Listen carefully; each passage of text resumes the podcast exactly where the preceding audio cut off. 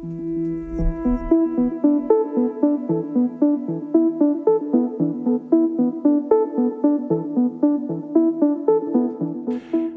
til månedskriftet. Tiden som KBU-læge er afgørende i vores lægeliv. Der skifter vi ham fra fuldblods akademikere til fuldblods klinikere. Det er ofte en både berigende og sårbar tid med fantastiske oplevelser at lykkes som læge, blandet med frustrationer, som man ofte må stå med alene. Det er de formative år som læge, hvor man ofte slår rødder og finder sit speciale. Mit navn er Christian Føds. Jeg er speciallæge i almen medicin og redaktør på månedskriftet. Roar Mågaard, du er praktiserende læge i et kompagniskab i Skødstrup nord for Aarhus. Velkommen til dig. Mange tak. Det vil tage alt for lang tid med en fyldesgørende præsentation af dig, men man kunne måske sige, at hvis man kigger på din karriere, så må man antage, at uddannelse af unge læger det er vigtigt for dig. For jeg kan nævne, at du har været uddannelseskoordinator og formand for videreuddannelse under DSM og PLO i mange år. Derudover har du været formand for vores venskabelige selskab DSM og mange, mange andre ting. Men Roar, hvorfor er det egentlig, det er så vigtigt for dig med uddannelse? Jamen, der er nok to ting, jeg vil fremhæve. Øh, det ene, det er, at jeg synes selv, jeg fik en rigtig god uddannelse og mødte nogle fantastiske lærermestre i, i mit uh, uddannelsesforløb til at være uh, praktiserende læge. Og det andet, det er, at uh, jeg synes jo, vi har et helt vildt, fantastisk speciale, almindelig medicin.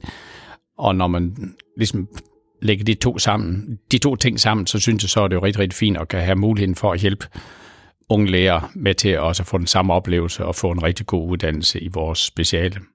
Vi skal tale om KBU i almen praksis, og vi målretter vores samtale både til KBU-læger og til tutorlæger. Vi vil forsøge at formidle en del fakta omkring KBU-ansættelsen. Vi vil tale om de gode og de vanskelige forløb. Og så vil vi tale om tutorlægkrav og meget andet.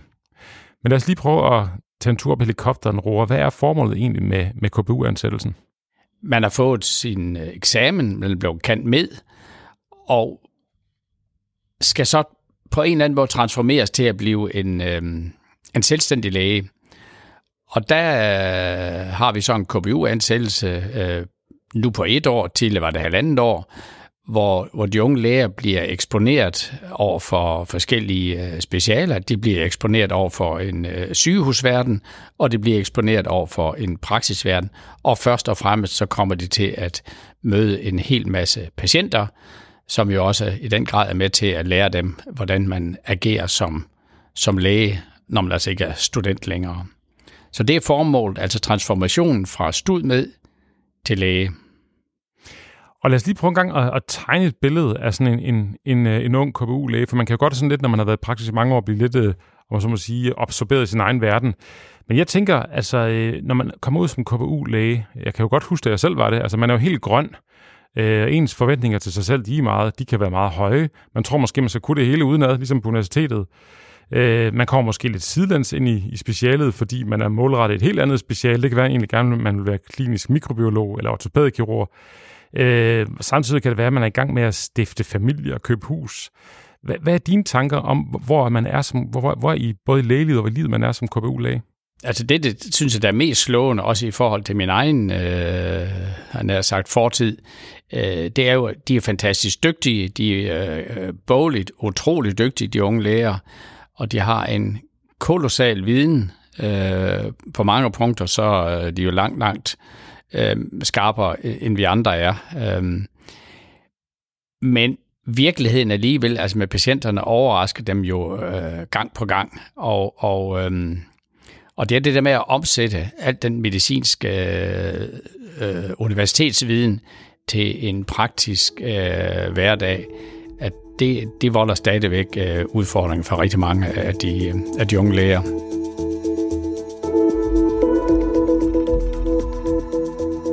Hvis vi nu kigger på det gode forløb, det gode KBU-forløb i almen praksis, hvad, hvad karakteriserer det gode forløb? Først og fremmest vil jeg sige, at det skal være et planlagt forløb. Og det skal det være på, på mange fronter. Det skal være planlagt helt fra starten af, og så hen igennem forløbet. Og hvad mener jeg med det? Jo, jeg mener, at man skal jo øh, invitere den unge læge til en øh, præsentationssamtale i praksis. Vi kalder det en kemisamtale, hvor øh, uddannelseslægen får lov til at se øh, personale og kollegerne i øh, klinikken, bliver præsenteret for, hvordan klinikken ser ud, og hvordan arbejdspladsen vil være, arbejdstider og alt det praktiske der. Men også bliver præsenteret for, øh, både i, i tale, men også i skrift, hvad er det for nogle forventninger, øh, praksis har til øh, uddannelseslægen i det øh, halve år, og hvad er det, man gerne vil stille op til rent uddannelsesmæssigt. Det er forud for ansættelsen. Så starter den unge læge, og der må, må det jo ikke være, som det desværre stadigvæk er på nogle afdelinger, at pludselig opdager man en mandag morgen, at der er en ny læge i konferencelokalet. Men her, når de kommer så også i praksis, så skal alle have fokus på det. De skal bydes velkommen. Her i vores hus, der er der sat skilt på døren. De har et stempel med deres navn på. Nogle klinikker, de øh, har et buket stående, og de bydes velkommen i, i huset. Og der er et introduktionsprogram, hvor den unge læge i løbet af en til to uger øh, gelejtes ind i arbejdet og, øh, og øh, på alle måder søges inddraget. Det er det hele taget meget vigtigt, at vi inddrager lærerne i vores, i vores lille praksisfamilie. Jeg plejer at sige, at de skal opleve, at de er part of the team. Øh, og det er utrolig vigtigt, at de, øh, at de får den følelse, at de, at de er en del af det.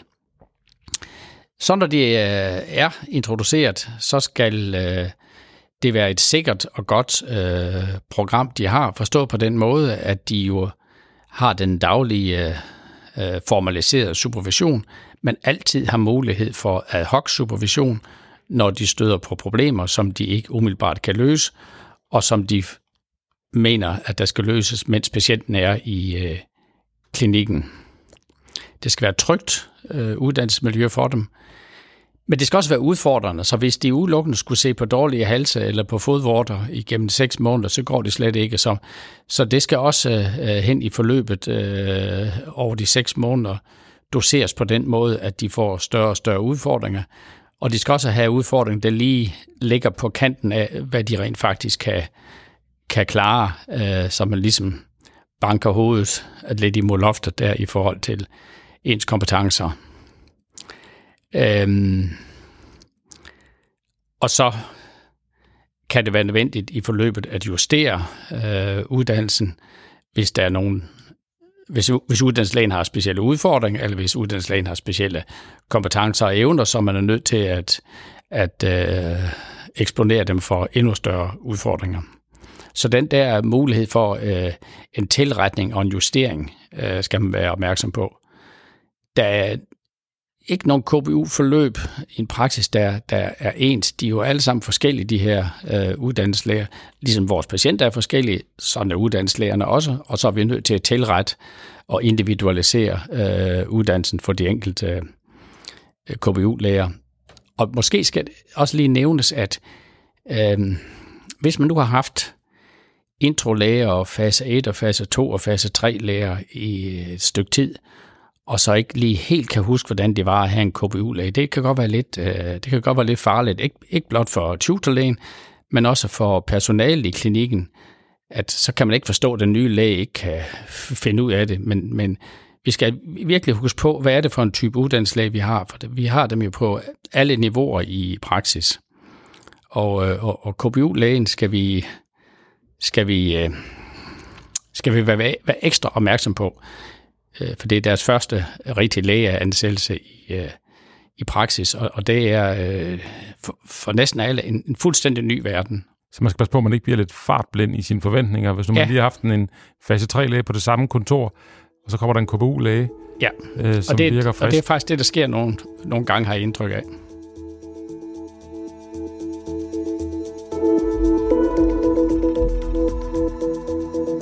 Nu skal vi have nogle facts slået på plads omkring KBU-forløbet i almindelig praksis. Og det gør vi særligt, fordi at det kan være rigtig svært at overskue for KBU-lægerne, hvordan det hele det egentlig hænger sammen. Men for det første, når man er KBU-læge i almindelig praksis, så er tutorlægerne ens arbejdsgiver. Det vil sige, at de må lede og fordele arbejdet.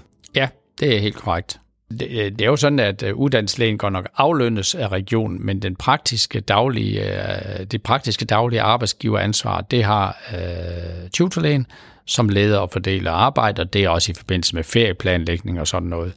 Så, så uh, tutorlægen har det der arbejdsgiveransvar, som han har over for de øvrige øh, ansatte i praksis.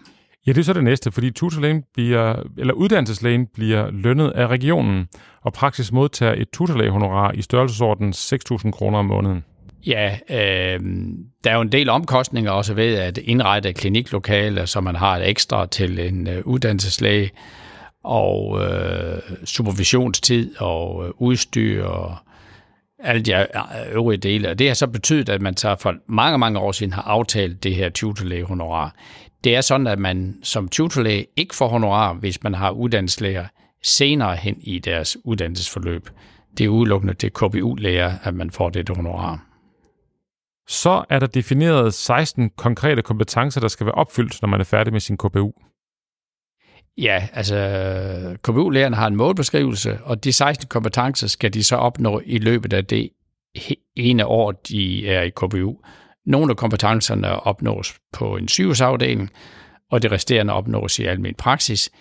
Hvilke kompetencer, der skal opnås hvor, det er lidt afhængigt af fra øh, region til region og fra sygehus til sygehus. Men alle 16 kompetencer skal være opnået, når man afslutter sit KBU-forløb, for at det kan godkendes. Så findes der nogle koordinerende læger, såkaldte uddannelseskoordinatorer. Og hvad er deres ansvar? Hvilke beføjelser har de egentlig? Der er to typer. Der er dels nogle yngre læger, der er med til at øh, hjælpe, øh, hjælpe KBU-lægeren til, at de får et godt forløb.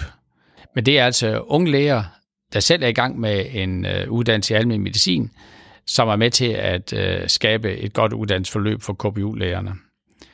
Og så er der nogle tutorlæger, der er ansat som uddannelseskoordinatorer. De hedder lidt forskelligt fra region til region, men, men samlet set kan vi kalde dem øh, uddannelseskoordinatorer. De er ansat af regionen, og deres formål det er, at de skal skabe så gode uddannelsesforhold som muligt for KPU-læger, men også for de øvrige uddannelseslæger i almen praksis, og de skal dels øh, undervise og øh, assistere de unge læger, og de skal også undervise og assistere, hjælpe, informere, inspirere tutorlærerne. Og vi kommer til at tale om de problematiske forløb lidt senere. Der kan man jo også inddrage de her uddannelseskoordinatorer.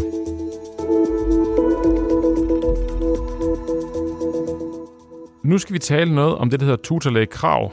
Der er nemlig defineret nogle krav til uddannelsesstedet, som det kan være godt at kende til. Og hvis man kigger på DSM's hjemmeside og kigger under uddannelse og øh, specialuddannelse i almindelig medicin og vælger tutor, så ser man 10 krav.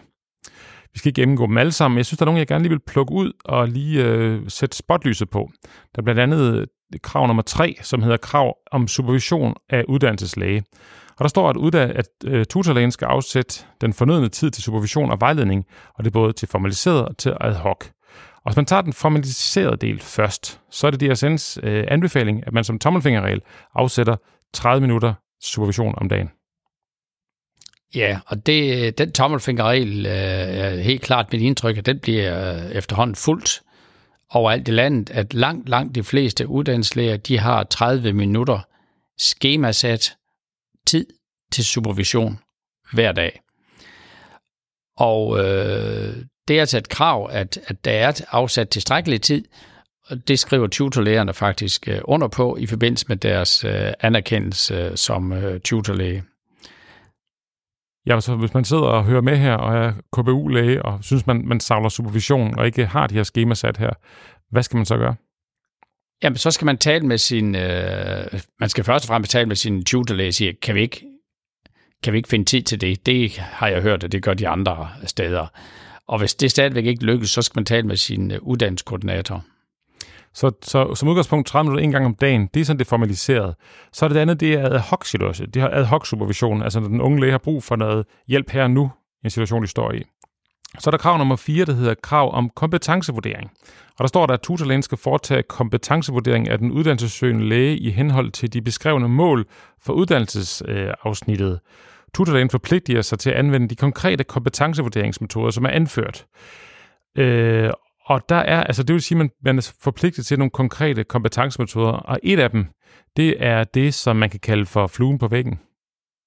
Ja, øh, hvis man skal, øh, kan sige, at en KBU-læge kan det, en KBU-læge skal kunne, øh, så skal man overveje, hvad, hvad det er, de gør. Og der har vi øh, skabt den der kompetencevurderingsmetoden, metode, som vi kalder fluen på væggen, hvor uddannelseslægen så øh, har en patient et kvarters tid, en konsultation på normal vis, og så sidder tutorlægen som fluen på væggen, sidder i et hjørne af lokalet, helst på en måde, så patienten ikke har øjenkontakt med, øh, med tutorlægen, for det, ellers kan patienterne godt komme til at henvende sig til tutorlægen i stedet for, men det skal være helt klart sat op, og det kan man godt lave, altså så patienter ved, at det er lige øh, uddannelseslægen, der er lidt til eksamen, så at sige.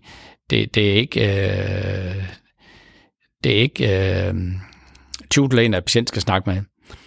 Og det øh, er så en normal, eller næsten normal konsultation, forhåbentlig, at der finder sted.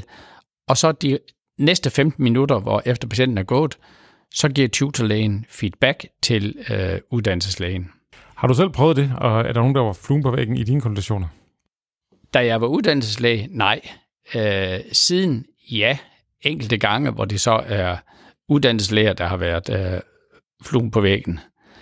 Og øh, der har også været en enkelt uddannelseslæge, der har været en del her i, øh, i øh, praksis, som, som også godt kunne, kunne få sig selv til at give lidt øh, feedback til mig. Så det har været rigtig fint. Jeg må sige personligt, jeg kan rigtig godt lide den metode. Så det er meget grænseoverskridende, øh, når man ligesom står over for det, men når man så er i det, så er det faktisk utrolig øh, berigende øh, for både det at være den, der bliver kigget på, og den, der kigger på.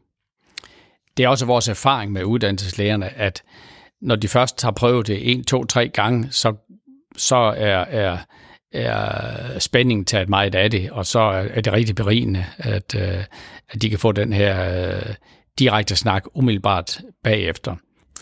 Super. Og så er der krav nummer 5, og det er så krav om tilfredsstillende evalueringer. Og øh, der er faktisk mange, der spørger, uddannelseslærer, der spørger, hvad sker der egentlig, når vi evaluerer på evaluere.dk? Kan du fortælle dem det? Hvad, hvad sker der egentlig i den anden ende? Ja, men jeg skal først måske sige, at, at vi oplever altså, at der er en del uddannelseslærer, der er bekymret for at være ærlige i deres evalueringer på evalueringer på evaluer.dk. Vi uddannelseskoordinatorer kan, kan gå ind og, og se de der øh, evalueringer, og, og så nogle gange så stemmer de faktisk ikke helt overens med det, vi øh, hører, så øh, når vi har en direkte snak med nogle af de her øh, uddannelseslærer, der ikke kan være alt for tilfredse. Øh, så der er lidt et... et øh, Hvordan stemmer det ikke overens? Jamen, det, der, der, der er nogle øh, uddannelseslærer, der er bekymret for, hvis, hvis de er alt for, synes de, ærlige øh, og hårde i deres øh, evaluering, at så kan det få, få, få øh, betydning for deres fremtid, øh, specielt hvis de vil øh, have en fremtid inden for det pågældende speciale. Det er jo heller ikke rart med en lille arbejdsplads øh, og sende sådan noget sted. Nej, øh, men, men altså en af de pligter, man også må, må tage på sig og, og, og, og stå op og sige, det her, det vil jeg gerne have, at de prøver at gøre på en anden måde, og så argumentere for det. Det gør vi faktisk en del ud af at tale med uddannelseslærerne om. Men, men på de spørgsmål om, altså, hvad, hvad sker der med de evalueringer? Jamen, de bliver set af uddannelseskoordinatorerne, men ser vi som uddannelseskoordinatorer et mønster med, at en praksis evalueres dårligt, en gang, to gange, tre gange, øh, så øh, er det måske lidt forskelligt, hvor det er hen i landet, men, men det typiske vil være, at, øh, at der er en uddannelseskoordinator, der så tager kontakt til den praksis og, og spørger ind til, øh, hvad problemet måske kan være. Og det kan være, der er sket noget i den øh, klinik, der er personaleudskiftning, der kan være mange ting, øh, at der kan være sket. Øh, uddannelseskoordinatoren kan meget let komme i tanke om at tilbyde et besøg i øh, klinikken, og øh, har man så som koordinator en fornemmelse af, at øh, forløbet det, øh, det nok er lidt øh, udfordret i den praksis, måske en periode, så kan det være, at man aftaler, at praksis så ikke skal have uddannelseslæger i en øh, periode. Det kan så være en kortere eller en længere periode. Det kan være, at uddannelses, øh, tutorlægen har behov for at komme på et, øh, et nyt tutorlægekursus. Det kan være, at man har behov for at sætte øh, systemet for uddannelse lidt anderledes op i den pågældende praksis. Det er også sket, i hvert fald her i vores område, at der er praksis, der sådan varet er blevet øh, frataget retten til at kan have uddannelseslæger, hvis det er forhold, der ikke ser ud til at kan forbedres.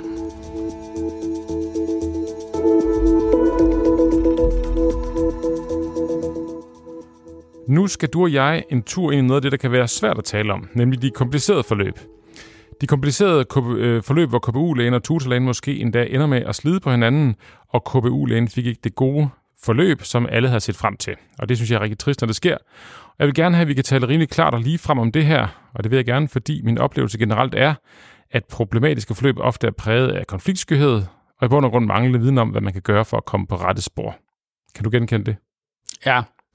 Og øh, hvordan synes du, når, når tingene går galt, hvad er det så typisk, du ser, der går galt? Det kan være noget omkring, øh, hvor meget man skal arbejde i praksis, hvor hurtigt man skal arbejde. Og det kan der, øh, vi hører også fra øh, uddannelseslæger, at de skal se en hel masse patienter hver dag. Og der kan man godt som koordinator have fornemmelsen af, at den tutorlæge måske lige ikke helt har tunet ind på, at det rent faktisk er en KBU-læge, for de skal jo ikke se øh, det samme antal patienter som en, en fase 3-læge eller en, øh, en tutorlægen selv skal, skal se om, øh, om dagen. Altså jeg vil sige, jeg, for en måneds tid siden, der var jeg ude og undervise nogle KBU-læger, og øh, i den forbindelse snakkede jeg også lidt med dem, hvordan det gik noget, der slog mig, da jeg var ude og snakke med de KBU-læger, det var, at jeg tror, der var rigtig mange, der ikke kender til kommandovejen, øh, hvis nu man har et dårligt forløb. Så kan du ikke prøve en gang lige at rise op, øh, hvis man sidder som KBU-læge øh, og, og, og føler, at man har brug for noget hjælp til at, at få sit forløb på plads. Hvad er det, som man rent faktisk gør? Det typiske er, at man snakker med nogle af sine peers, det vil sige, at man er en del af den gruppe, så rigtig mange uddannelseslæger taler med andre KBU-læger, og det er rigtig fornuftigt at, at, at spare med dem. Øh, hvis der stadigvæk er et problem, jamen så er der to veje, man kan gå. Og den ene, det er at tale med den øh, Dynamo, altså den yngre øh, almindelige medicinske uddannelseskoordinator. Og meget ofte, så vil det også være relevant at tage fat i øh, den praktiserende læge, der er øh, uddannelseskoordinator i det pågældende område, hvor man nu er ansat. Øh, og det kan man altid gøre øh, på mail, man kan ringe, Øh, men den problemstilling skal man ikke øh, stå med alene, hvis ikke man kan få den løst. Så der skal man tage fat i sin uddannelseskoordinator. Og det bekymrer mig lidt, at, at du har hørt øh, uddannelseslærer, der, der ikke rigtig var helt klar over kommandovejen. Øh, altså jeg ved rent faktisk, at de hører det ved deres ved deres øh, introduktionskursus, øh, og de har også fået det på skrift, men, men øh, måske er der alligevel en, øh, en, øh, hurdle for dem og kontakte os. Der er nu en, en del, der absolut ingen problemer har med at kontakte os, men... men øh... Hvad vil du egentlig øh, tænke, sige til dem, som, som måske sidder i et uh, uddannelsesforløb i almindelig praksis eller andre steder, som tænker, ja, det her det er jo overstået om tre måneder, øh, og jeg skal alligevel videre, så det her, det, jeg overgår ikke at gøre noget ved det. Det kan både være uddannelseslæger, eller det kan være øh, tutorlæger. Hvad, hvad, vil du, hvad vil du sige til dem? Jamen, det, det er at springe over, hvor gæret er, er, er lavet, så der kommer, der kommer uddannelseslæger øh, efter en selv. Og, og, øh, og det gælder også, når man er på en hospitalsafdeling, øh, at der kommer nye til. Og øh, der mener vi har sådan en, en faglig, skråstreg, kollegial, øh, kollegial ansvar for, at vi, vi alle hjælper med til, at uddannelsen for vores kolleger bliver så god som overhovedet muligt. Så derfor, øh, altså derfor er man nødt til at, at, øh, at lade den øh, erfaring, man har, øh, gå videre, så, så det kan hjælpe andre til, at det bliver, at det bliver bedre. Altså man kan ikke bare sende sort papir videre.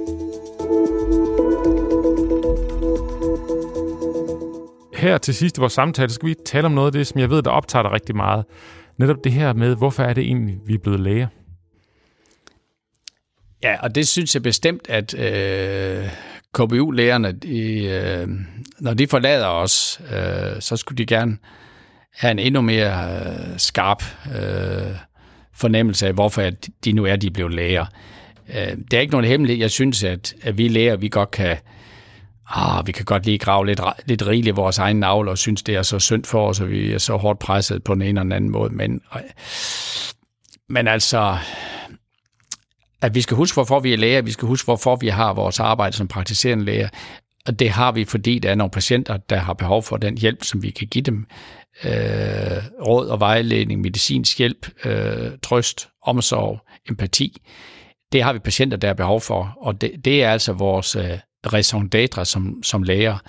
Og det skal, øh, synes jeg specielt også øh, KBU-lærerne øh, have har helt ind under helt ind under huden. Nogle gange kan man have øh, fornemmelsen af, at, at man efter sådan et intensivt studie, så kan man næsten have fornemmelsen af, at, at patienter, de er, det er ligesom de substrat, at vi øh, læger arbejder med. Men, men, men det er altså omvendt. Altså, vi skal godt nok huske, at, at vi er der for patienternes skyld. Det er ikke, det er ikke, øh, at det er ikke, det er ikke patienterne, der er der for lægernes skyld. Øh, det skal vi altså huske. Og det øh, håber jeg, alle tutorlæger er med til, at, øh, at de unge læger, de øh, går fra øh, KBU-uddannelsen med den fuldstændig klare opfattelse. Øh, under introduktionsforløbet her i, i vores egen praksis, der har vi har jeg sådan en, en, øh, en introduktionsteam med, med, med alle lærerne, hvor vi forsøger at snakke lidt om ånden i, øh, i øh, praksis. Og øh, spørger ind til den også, når de forlader stedet her, om, øh, om de om de kan genkende den øh, i vores hus. For det er jo ikke nok med, at vi taler det, taler det op. Altså, det skal også vise sig i, i handling, at det er sådan en, en praksis, vi gerne vil drive. Og hvorfor er det vigtigt øh, at have det fokus? Jamen, Det er jo hele grundlaget. Altså, hvis, hvis øh, fokus kører ud på praksisdrift og praksisøkonomi, altså så er der noget helt skævt øh, i det. Vi har en, en akademisk uddannelse, som mange andre har en akademisk øh, uddannelse, men, men det med at være læge og øh, have ansvaret for et andet øh, menneske, som vi har, det, det, altså det, det, det, det, det synes jeg, det, det giver en helt anden dimension end, ja, nu har jeg en kone, der er der er uddannet inden for økonomi. Altså, det er også vigtigt, og det er rigtig vigtigt, men jeg synes, det er en lidt anden dimension af alligevel, det vi har øh, ansvaret for andre, øh, andre menneskers øh, ved og vel, og det skal de unge læger øh, absolut også have, have med fra deres ophold i, øh, i almen praksis, at, at vi er der altså for hin enkelte patients øh, skyld. Ja, men også at de unge læger øh, lærer og viser den ydmyghed, øh, som det er over for vores patienter. Vi bliver jo øh, vi bliver som læger øh, lukket ind mange menneskers øh, liv. Vi er lukket ind i de næsten det aller helligste. Altså det skal man også som læge øh, øh, være klar over det privilegium, som det er, men også udvise den øh, ydmyghed, som, som altså det fordrer, at vi, øh, at vi har den mulighed. Vi siger et stort tak til dig, Roar Mågaard, som er sat praktiserende læge her i Skødstrup, og har et langt lægeliv bag dig, hvor du har interesseret dig og engageret dig meget i, uh, i uddannelsen. Tusind tak for det, og stort tak til, til jer, som har lyttet med, og vi håber meget, at vores samtale her, den kan fungere som katalysator for, at så mange som muligt begynder at tale om, hvordan man får de bedste uh, KBU-forløb overhovedet. Mit navn er Christian Føds, Jeg er speciallæge i medicin på månedskriftet, og jeg modtager som altid gerne ris, ros og kommentar på podcast